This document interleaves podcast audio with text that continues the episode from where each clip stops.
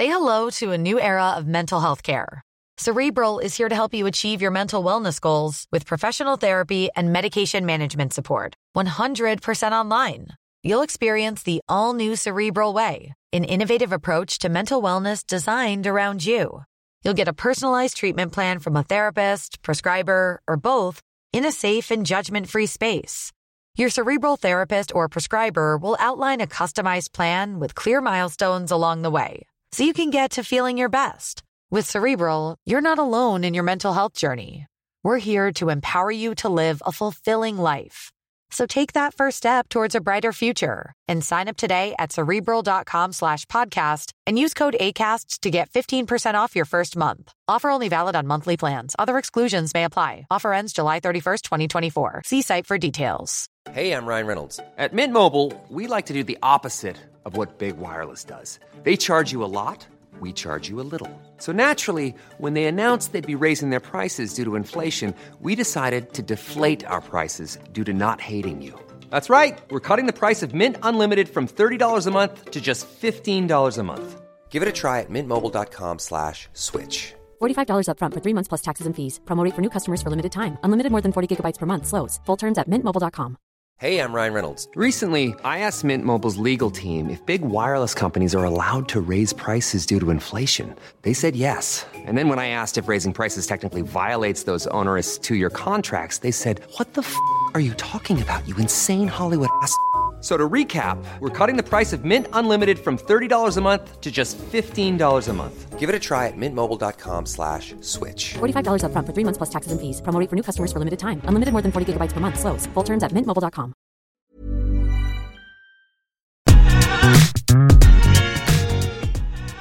Välkommen till Top of Mind Podcast med mig Ofelia Wistedt. Samtal om marknadsföring, branding och hur du lyckas med din marknadsföring på TikTok som företag och kreatör. Idag har jag med mig Märta Rasch som under sin tid på TikTok samlar på sig 230 000 följare.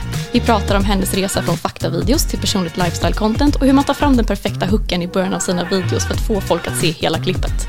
Men även hur hon arbetar med samarbeten och framtidsspaningar på TikTok som plattform. Märta Rasch, välkommen till Top of Mind Podcast. Tack! Så kul att ha dig med. Ja, jättekul att få vara med och gästa. Poddpremiär. Ja, Känns det spännande? Ja, det känns jättespännande, jättekul. Vi sa det, du är så hemlig. Vi brukar göra mycket research på våra gäster innan men det har varit väldigt svårt här för du är ju väldigt TikTok-exclusive får vi säga. Ja, jo precis. Så det är jättekul att ha dig här och prata all things marknadsföring och sociala medier. Men om du skulle börja berätta om dig och din TikTok-kanal, hur skulle du beskriva dig? Ehm, Jag heter Märta Rasch, jag är 21 år och jobbar då med sociala medier och eh, TikTok på heltid. Jag skapar ju då ja, men, mest livsstilscontent, försöker hålla min TikTok-kanal väldigt lättsam.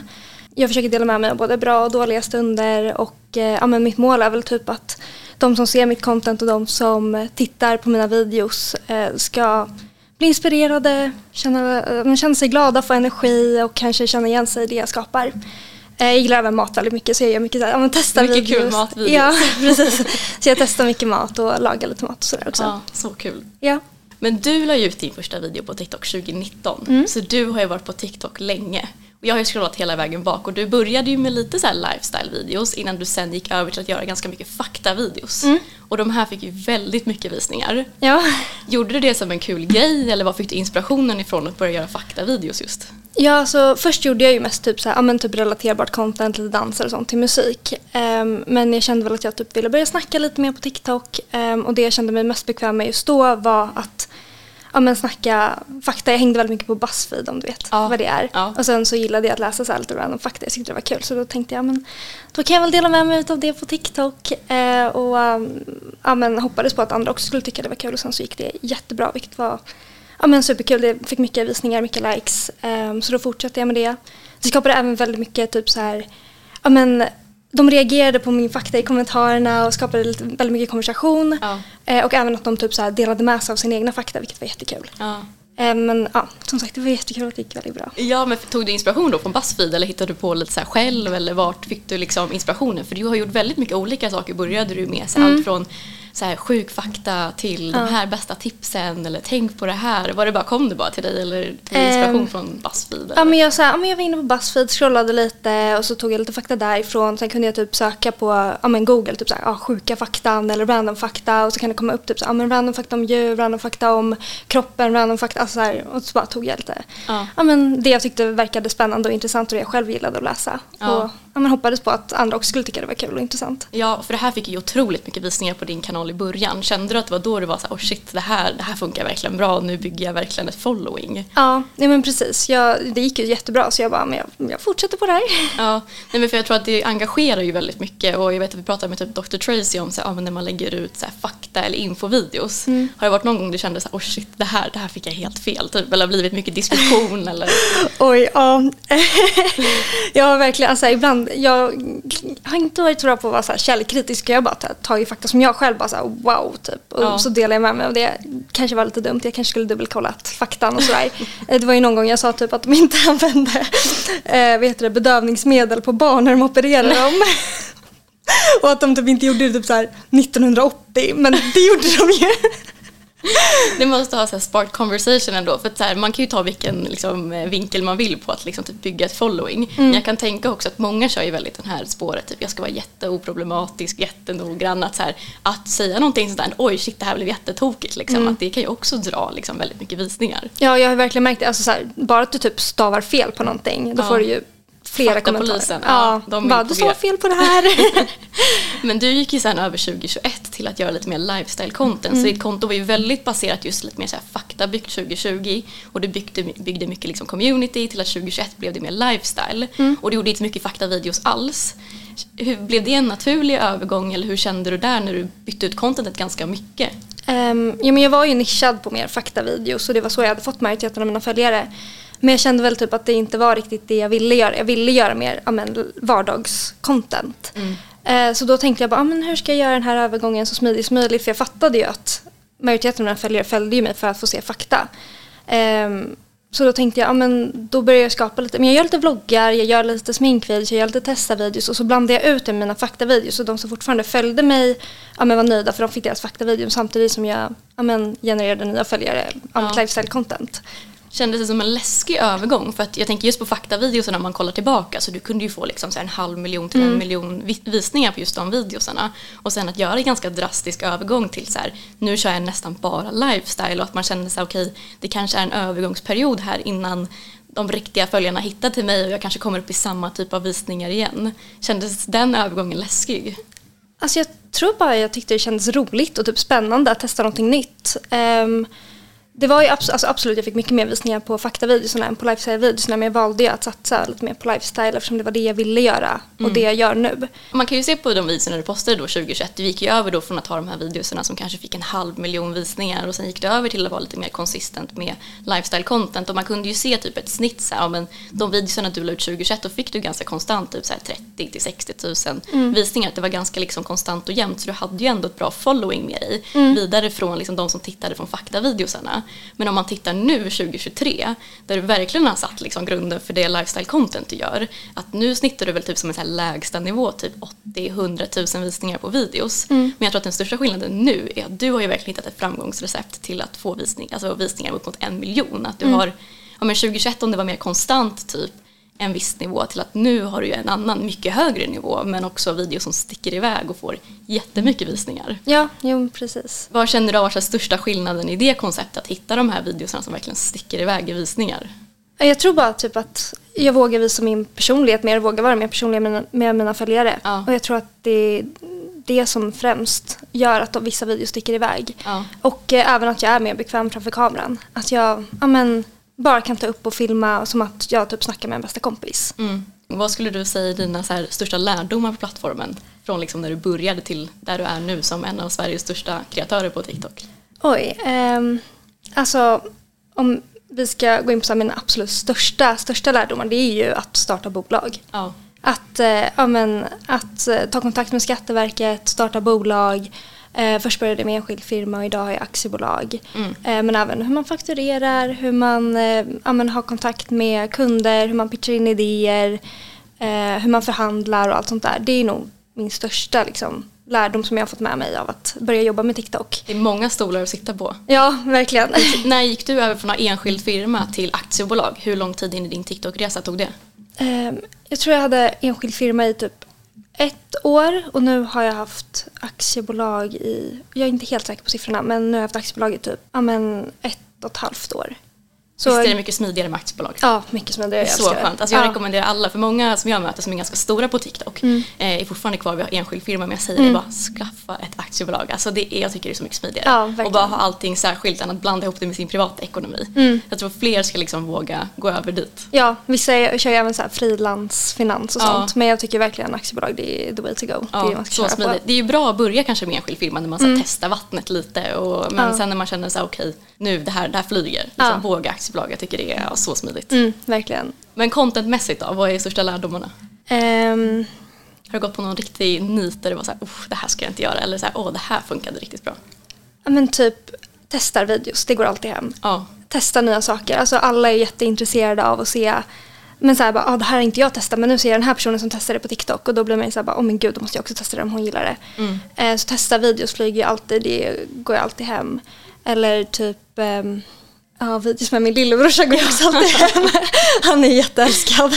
Men det är kul, jag tycker att man visar upp sin familj och så här vänner. Jag tror att många kan relatera till det materialet. Jag tänker framförallt, typ, du gör ju väldigt mycket resevloggar också. Mm. Inte bara liksom lifestyle och testa mat och mm. olika grejer utan du gör ju också mycket resecontent. Ja, precis. Ja, det går ju också alltid jätte, jättebra. Mina följare älskar ju att se när jag reser och ja. får hänga med på det. Och du reser ju väldigt mycket och det är ju verkligen en av lyxen med att kunna jobba just med content. Att kunna resa mycket och dela med sig av sin vardag. Och du har ju varit väldigt smart där och visat typ så här, så här bor vi, så här mycket mm. kostar någonting. Alltså här, saker som man ofta är väldigt intresserad av. Att man tar lite mer så här, vardagsmaterial och sen faktiskt gör det till liksom, kul content. Mm.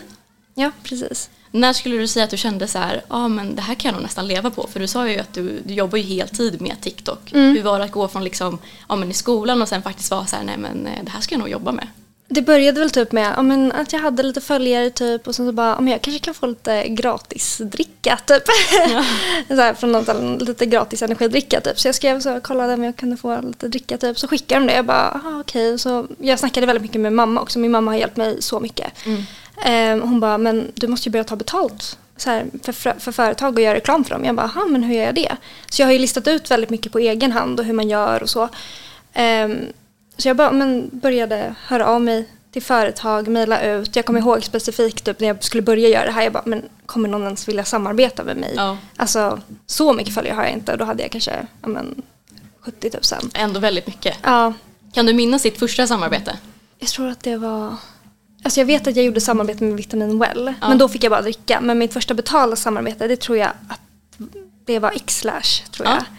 Ja, men, då, men jag kommer ihåg också att den här chocken typ, när alla typ svarade och ville samarbeta. Det kändes typ som ett kvitto på att så här, ja, men jag gör faktiskt ett bra jobb, jag kan faktiskt jobba med det här. Ja. Och då, ja, men, efter det så bara tog det iväg. Och, så och jag tycker det känns som att så här, många TikTok-profiler har varit lite så här, sena på bollen med faktiskt att ta betalt för sitt mm. innehåll. För som du säger, att du hade 70 000 följare och du började kontakta liksom, mm. företag. Om man jämför med de profilerna på Instagram som kanske har typ så här, 10, 15, 20 000 följare som tar det ganska mycket betalt. Mm. Jag tycker att många företag är ganska sena på att faktiskt ja, men, jobba med profiler på TikTok. För det finns ju ofta mycket närmare kontakt. Eh, och, ja, vilken, vilken år skulle du säga att det var som du började göra dina första så här, seriösa samarbeten då typ med Vitamin, Vitamin Well och med Xlash? Um, gud, när var det? det var, men det var när jag startade enskild film. Alltså, jag var 19. Ja, jag är 21 nu.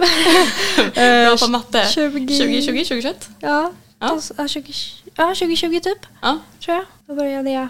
Ja, göra betalda samarbeten. Ja men så kul. Har du något så favoritsamarbete som står ut för dig som du kände så här, shit det här var så rätt i min målgrupp? Um, jag vet att när man söker på ditt namn på mm. TikTok då kommer det upp Babyliss. Jag gör ah. gratis reklam för dem. Ja. Det känns som att de, de, har, känns som att de samarbetena har gått sjukt bra. Ja, men de har ju också blivit boostade. Ja, ja men whitelisting är bra. Men jag ja. tänker så här, att det organiskt kommer upp genom söken då. Att Aha, många okay. är intresserade av det. Ja, eh, ja men det var kul att göra det. men känner du, känner du någon annan generell så att du bara, ah, det här, vad, är det något du föredrar typ, eller någonting du känner så här, det här skulle jag aldrig vilja marknadsföra? Eh, ja, gud ja. Det finns ju en del saker. Typ gaming, betting skulle jag inte kunna Nej. göra samarbeten för. Eller typ nikotin, alkohol. Alltså även om man ja, men skulle snusa eller röka eller dricka alkohol skulle jag aldrig göra reklam för det. Mm.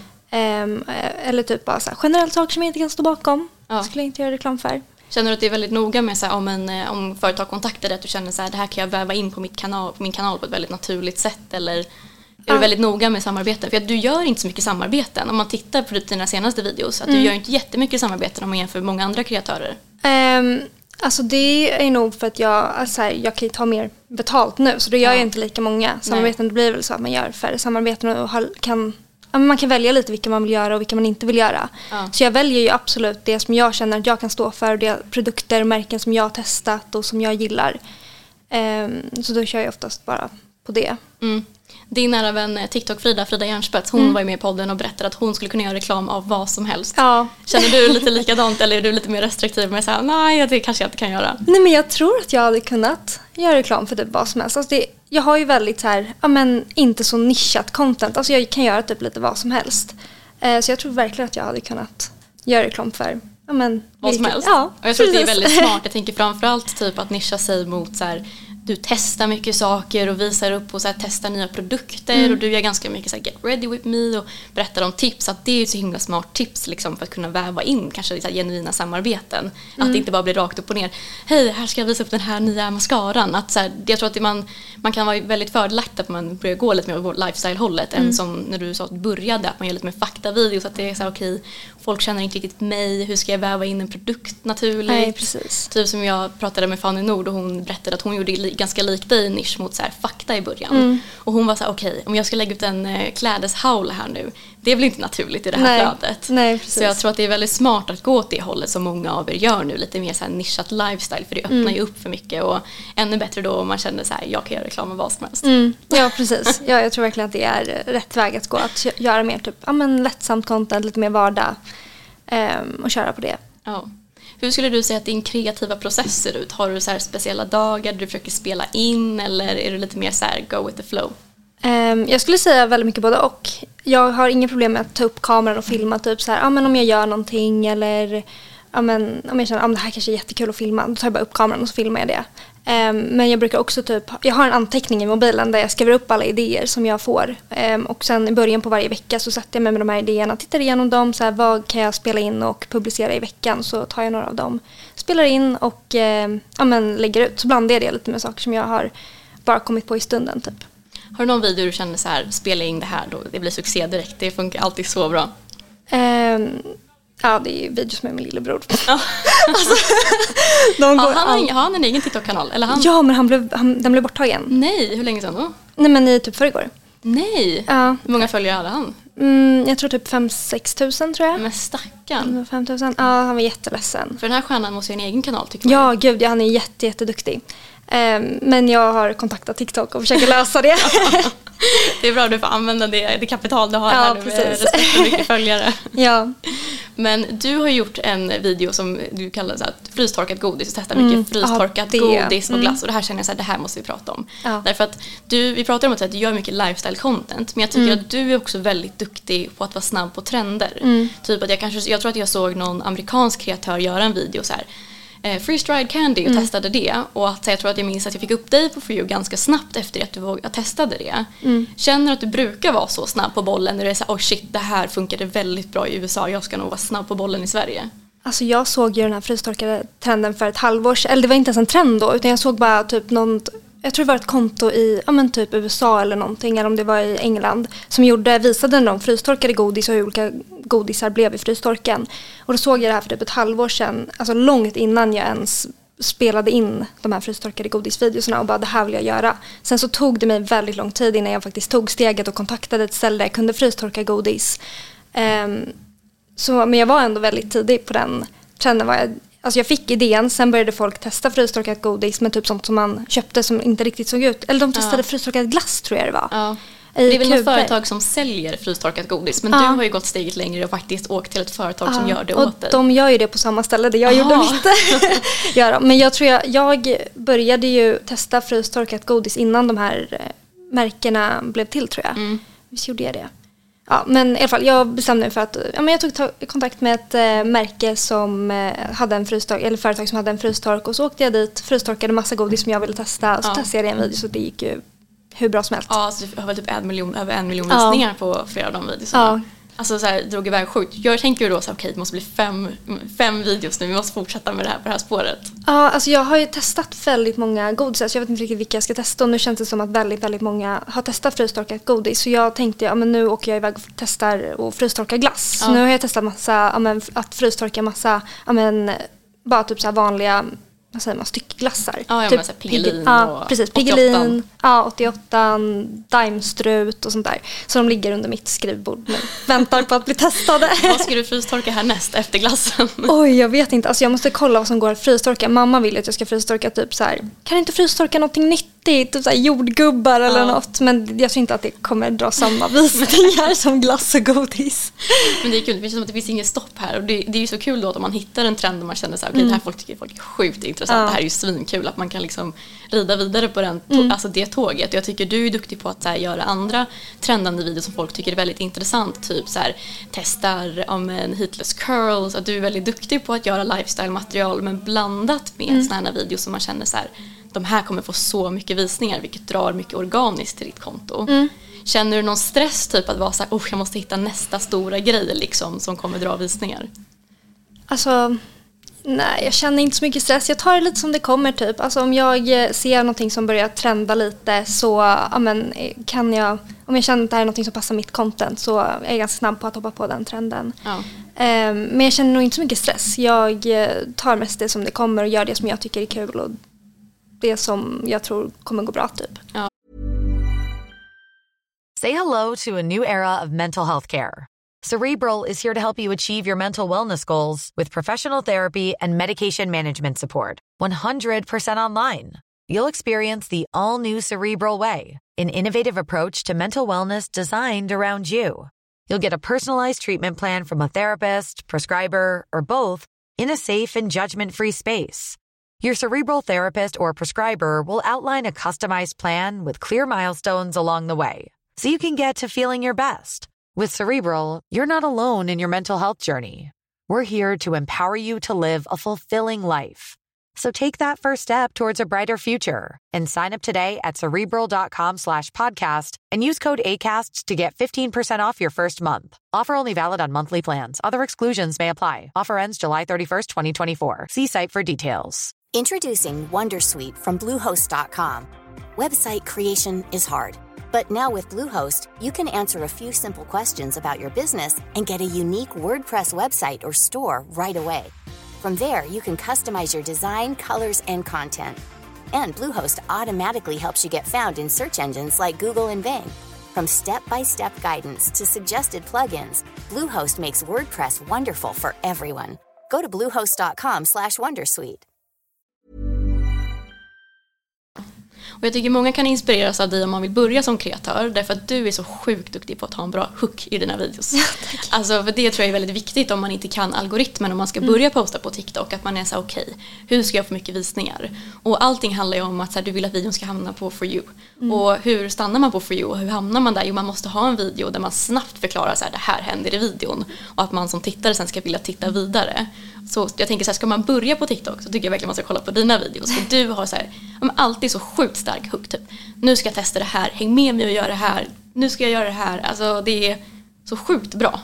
Tänk, Tack så jättemycket. Tänker du på det när du spelar in, typ att du är snabbt, för du, du säger det väldigt tydligt och mm. väldigt snabbt typ på en, två sekunder. Ja. Försöker du ha det genomgående i alla dina videos? Ja, jag försöker ju att hitta ja, någon hook typ som eh, ja, men, så att tittaren fastnar vid videon. Eh, alltså vår koncentrations... Eh, vad säger man? Koncentrationsspann. Spann. Ja, ja, precis. Har blivit så mycket kortare nu. Så det gäller ju att ja, men, få tittarna att fastna vid videon så snabbt som möjligt. Så ja. jag tänker, ja, men om jag säger snabbt vad den handlar om då, då kanske de bara, ja men det där vill jag se, då stannar jag. Ja. Jag tänker till och med en här video som man kan tycka är ganska tråkigt. Så mm. du, liksom, du är så duktig till och med där och säger så här, gud ni är så nyfikna, nu ska ni få höra allting. Och då blir man så här, men gud vadå, vad ska du svara på någonting jättespännande här? Ja. Så jag tror att så här, det är verkligen att finessa liksom, algoritmen om man pratar så här, hur hittar man de här videorna, videorna som verkligen sticker iväg? Och jag tror att det handlar ju verkligen om att ha en så här en skarp hook mm. för att folk verkligen ska stanna. Vilken typ ja, av video precis. man än gör, så här, vad kan bli den kul vinkeln här? Mm. Så försöker jag göra även om jag typ bara gör så här marknadsföringsmaterial. Så här, vad kan vara intressant? Vad kan få en liksom, tittare att vilja stanna kvar? Ja men precis, det gäller ju att få dem att vilja stanna kvar så snabbt som möjligt i videon. Ja. Det känns som att det kommer ganska naturligt för dig att skapa den typen av videos och veta för du är väldigt så här lugn, självsäker, väldigt så här, stora syster-vibes. Ja. Får, du höra det mycket? Nej, jag har faktiskt inte fått höra det så mycket. Får du inte? Nej, men jag tar det som en komplimang. Tack så jättemycket. Alltså, det är så här mycket tips och jag tycker du är väldigt, det pratar vi också väldigt mycket om att vara så här personlig versus privat. Mm. För samma där, jag tycker du är väldigt personlig och bjuder mycket på dig själv och ja, men visar upp typ så här, eller inte visar upp men du sneakpeekar lite typ den här personen dejtar jag Mm. och det här ska jag göra idag. Drar du någon gräns typ så här, det här vill jag inte berätta? För jag skulle säga att av många lifestyle-kreatörer så är du nog lite mer privat än många Mm. andra som berättar väldigt mycket personligt. Ja, alltså jag själv typ så här, men lite svårt att typ så här, känna av vad man faktiskt kan dela med sig på sociala medier. Jag vill ju inte dela med mig någonting som kommer bli så här, så att, som får världens största reaktion men sen så vill jag ändå liksom, jag vill ju ha mitt egna privatliv men jag vill samtidigt liksom vara personlig med mina följare. Eh, men jag tror jag har haft lite svårt att typ dra gränsen där så det har blivit att jag kanske blir lite mer privat. Men jag försöker verkligen jobba på det och dela med mig så mycket som möjligt. Eh, för jag tror att det kommer amen, gå väldigt långt. Ja, och jag tror inte man ska känna sig heller tvungen att behöva berätta typ allting. Typ som att Nej, du är ganska nej. Mm. privat med den personen du dejtar. Att, det känns att folk, det här är väldigt hett diskussionsämne i ditt kommentarsfält. Liksom, Mm. Varför du inte delar med dig mer och varför säger ni inte att ni är ihop? Och du är såhär, nej men. Mm. Jag, jag tycker det är väldigt, jag tror många kan inspireras av det. Att man är så här, man behöver inte berätta allting. Nej. Och det är kanske också lite spännande att man får, håller folk lite intresserade. Så här, Ja. Gud, vad händer egentligen? Och, Ja, precis. Men alltså, jag har inga problem med att dela med mig av det. Alltså, så här, nu är det ju så att nu är vi inte tillsammans. Här, när vi väl blir tillsammans eller om vi blir tillsammans så hade jag ju delat med mig av det. Ja. Ehm, men det bygger ju ändå lite spänning. Så här, ja, men nu dejtar jag den här personen, vi är inte tillsammans än, vi är kära. Det tycker de är jätteintressant. Väntar du på att han ska fråga chans? Ja, det Jag sa det också, min kille som liksom är 30 plus, jag var så här, såna här alltså när man är så här gammal då kanske man inte ens frågar chans, men jag var så här, Jo, det tycker jag verkligen. Vad Ja, ska jag tycker också det. Det Jag ska vara blommor, bestämmas, choklad liksom. och nu är du min flickvän liksom. ja, kommer det en jättestor reveal, vi är äntligen ihop nu när det väl händer. Oj, jag har inte riktigt tänkt på det. Vi får se vad som händer. Kommer du visa upp, om, om jag säger att ni blir ihop, tror du Mm. att du kommer visa upp ja, men, ert förhållande och så? För det är ju ganska så här, utelämnande att dela Mm. med sig. Jag tänker många som har offentliga förhållanden och sen kanske det tar slut och att så här, du bjuder Mm. ju in till att vara ganska sårbar i den situationen. Ja, precis. Jag tror att alltså, allting kommer ju vara på hans villkor. Alltså, jag kommer inte tvinga honom att vara med i någonting som han inte vill vara med. Um, alltså, jag, har inget jag har inget problem med att visa upp, visa upp den jag dejtar eller den jag är tillsammans med. Ehm, men det är ju såklart om den personen är bekväm med det och känner att den vill vara med så får den ju såklart vara det. Jag tror att många kan vara ganska privata, typ som Mm. min kille som är så här, alltså vill helst inte synas någonstans och då blir ihop med någon som så här, berättar om hela sitt liv Ja. på liksom, svenska TikTok och är så här, har jättemycket följare. Ja, så var det med mitt ex. Han ville inte synas. Nej. Och det respekterade jag. Så här. Hans rygg fick synas ibland, typ, eller hans händer. Typ. Ja, ja men och det blir så, det blir ganska sårbart om man delar med sig av mycket och folk är väl ganska hårda liksom, på TikTok när det väl kommer upp i ganska mycket visningar. Typ Mm. jag fick en video häromdagen som stack iväg till 300 000 eh, visningar vilket är så här sjukt mycket för mig. Mm. Ja. Och direkt då så kände man ju så här, okej nu börjar det komma lite elaka kommentarer här. Ja. Just för att det når så här stor massa. Hur känner du gällande så här, hur är tonen i ditt kommentarsfält för det mesta? Är det ganska god ton eller känner du så här, det är de här klassiska unga som eh, skriver elaka kommentarer? Nej, alltså jag har typ inte fått så mycket hat. Det är jag jättetacksam för. Jag tycker det är jätteskönt att det är så god ton i mitt kommentarsfält. Det är väldigt, ja men väldigt få som kommenterar elaka saker. Eller jag tror typ aldrig jag har fått någon elak kommentar. Det kanske var i någon live, typ att någon Ja. kommenterar någonting taskigt om mitt utseende. Men så här, jag är ganska bra på att bara borsta iväg det. Och bara så Ja. här, Jag tror man måste vara bra på det och det är fantastiskt att du då får så här, det är god stämning och jag tror att så här, nu, nu var jag så dramatisk när jag bara så kom det elaka kommentarer. Det var typ att någon skrev så här sluta tro att du är någonting Ja. det tar jag jätteilla upp. jag är så känslig för elaka kommentarer jag bara Ja. blockar och tar bort direkt. Men att så jag tror att man också sätter tonen lite som du är väldigt så här peppig och positiv och gör bara så här kul grejer i dina videos. Att det attraherar ju inte på samma sätt en som en provokatör liksom drar till sig Nej. dålig ton i kommentarerna. mm, nej men precis. Men det är jättebra att du känner då så här, jag kan, det här kan bara skölja av mig. Liksom. Att man inte tar åt sig för mycket av elaka kommentarer. För Mm. det kommer ju alltid finnas folk som liksom kommer, ja, tycker illa om en eller vad Ja. man gör. Att det kommer ju alltid sticka i ögonen typ att vara ung och som du liksom lever på att arbeta med TikTok. Mm, ja, precis. Ja, nej, jag tror att det är, är väldigt, ja, men, väldigt bra att man bara så här kan... Ja, men, ja, du får en hatkommentar, du, får, ja, du ser den, men du får liksom inte ta åt, åt dig av den. Det är väldigt viktigt att man bara så här, tänker att... Man försöker bara tänka bort det negativa och fokusera på sig själv och köra sitt egna race. Ja, och man kanske får tusen kommentarer som är snälla och så får man en som är elak och då Mm. Ja, är man då liksom ledsen in- över det. Då ska man inte så här, man försöker tänka bort det. Ja, precis. Hur ser du på din TikTok-karriär? Vad är framtidsdrömmarna? Och har du något mål, typ åh det här skulle jag verkligen vilja att det blir? Oj, um, alltså jag är väldigt mycket så här, ja men jag är i nuet. Jag är väldigt så här, ja men jag tar det som det kommer lite. Jag gör, kör mitt egna race, jag gör det jag tycker är kul så länge jag tycker det är kul liksom. Um, men uh, målet är väl såklart att ja, men, kunna växa, tjäna mer pengar ja. såklart. Eh, ja. men även att eh, ja, men, kanske eventuellt ja, men, skapa någon egen kollektion eller starta något eget märke hade varit jättekul. Har du företagsdröm? Ja. Vad skulle det, du vilja skapa för någonting? Mm, jag vet inte. Alltså jag har tänkt så mycket fram och tillbaka. Alltså ett eget klädmärke hade varit jättekul. Men det känns som att det är så många som gör det. Så jag vill göra något som är lite unikt ändå. Ja.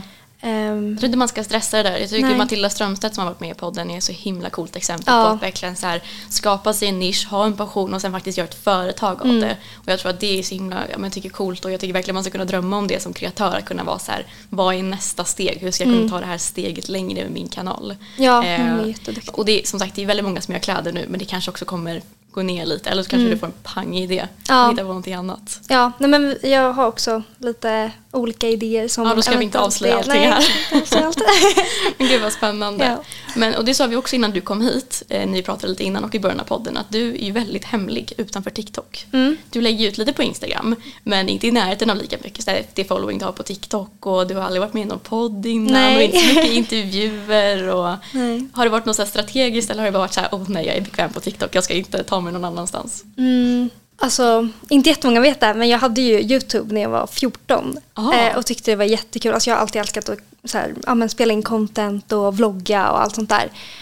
Um, och jag skulle inte säga att jag var ganska proffsig. Jag tror inte jag hade kunnat göra det bättre idag. Um, men eh, ja, det slutade i alla fall med att jag gjorde alla videos privata för jag var rädd för vad andra skulle tycka och tänka om mig. Ja. Um, och sen när TikTok kom så kändes det som en mycket mer typ så här, ja, men accepterad plattform att vara på och den var mycket mer lättsam och ja, men det var lättare att skapa en, ett band till sina följare väldigt snabbt och liksom direkt.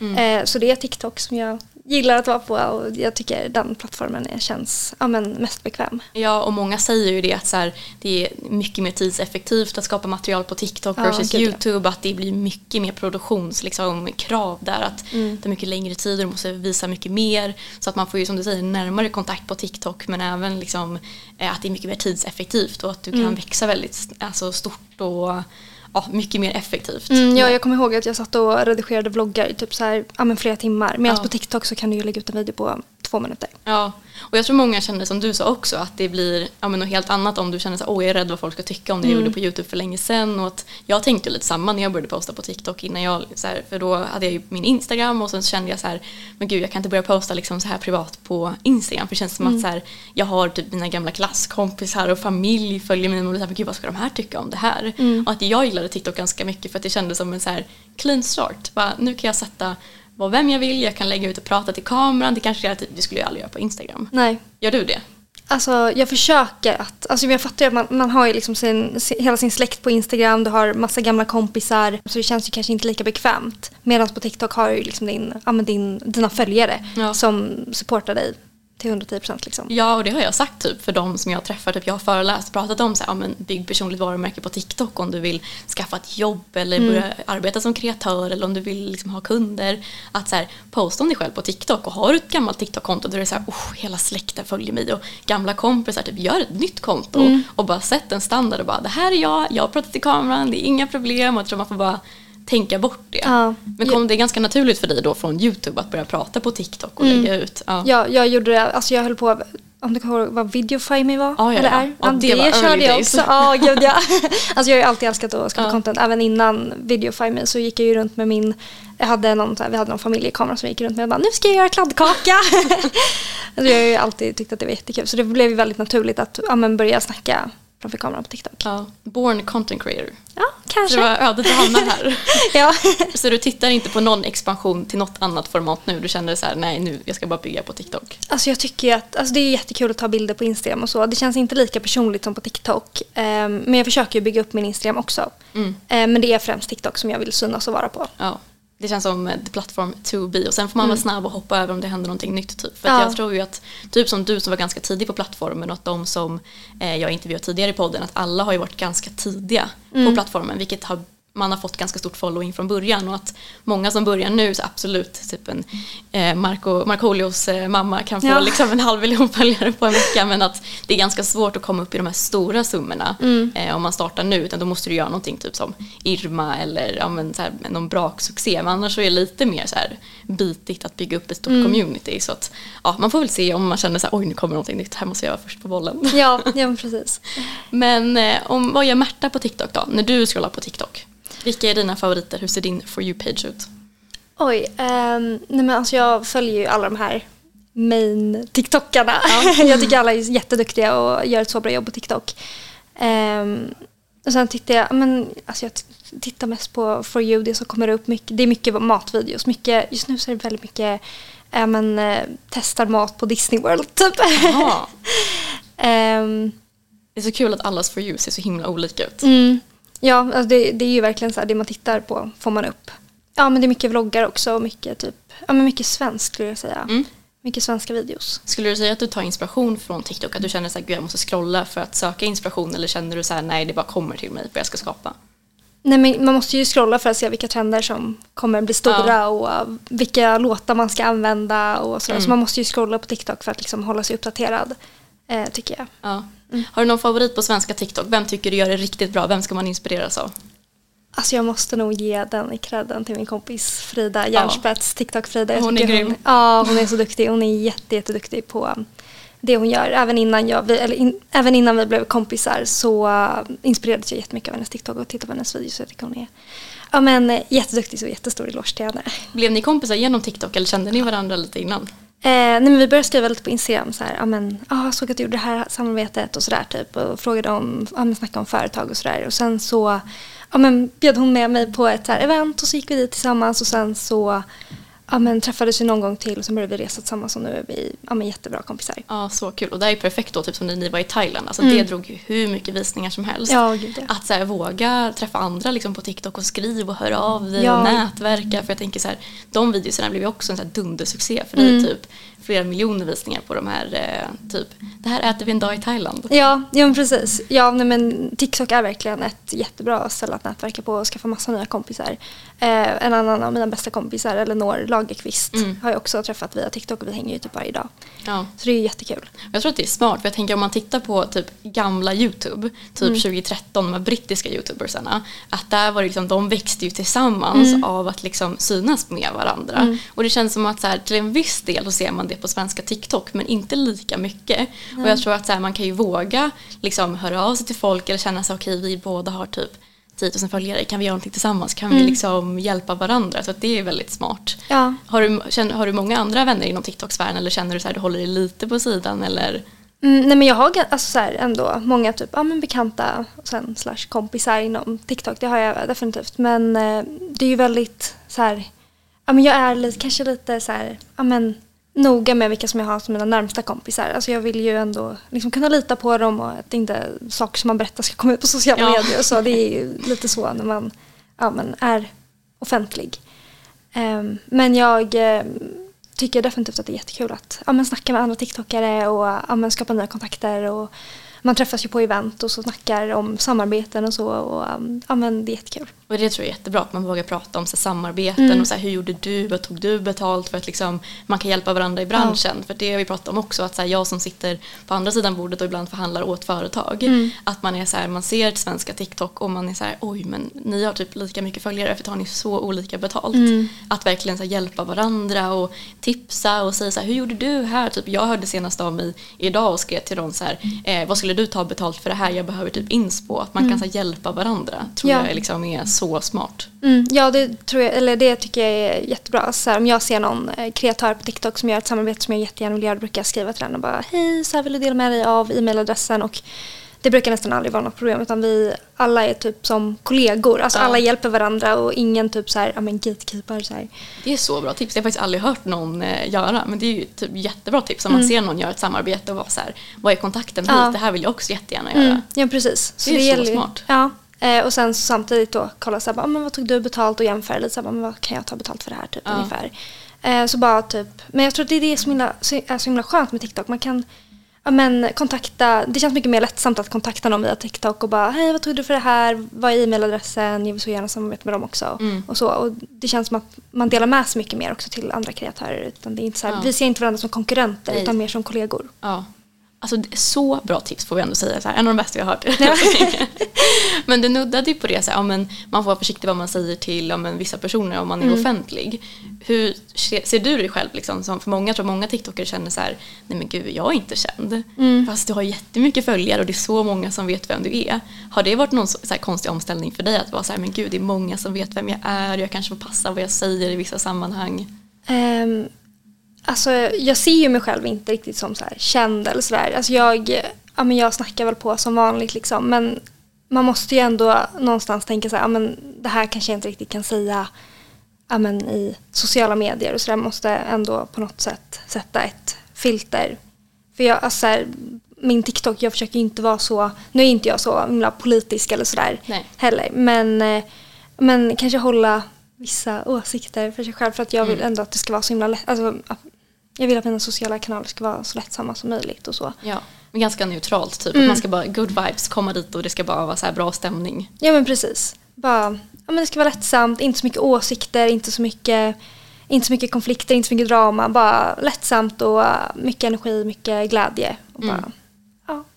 Men det är jätteskönt att känna att, att du då känner så här, ja men jag behöver inte anpassa mig så mycket för att det är ju samma så här, nu har ju du jättemycket följare, jag kan inte jämföra mig med det, men jag vet ju bara så här häromdagen att jag fick höra typ det jag gör naglarna.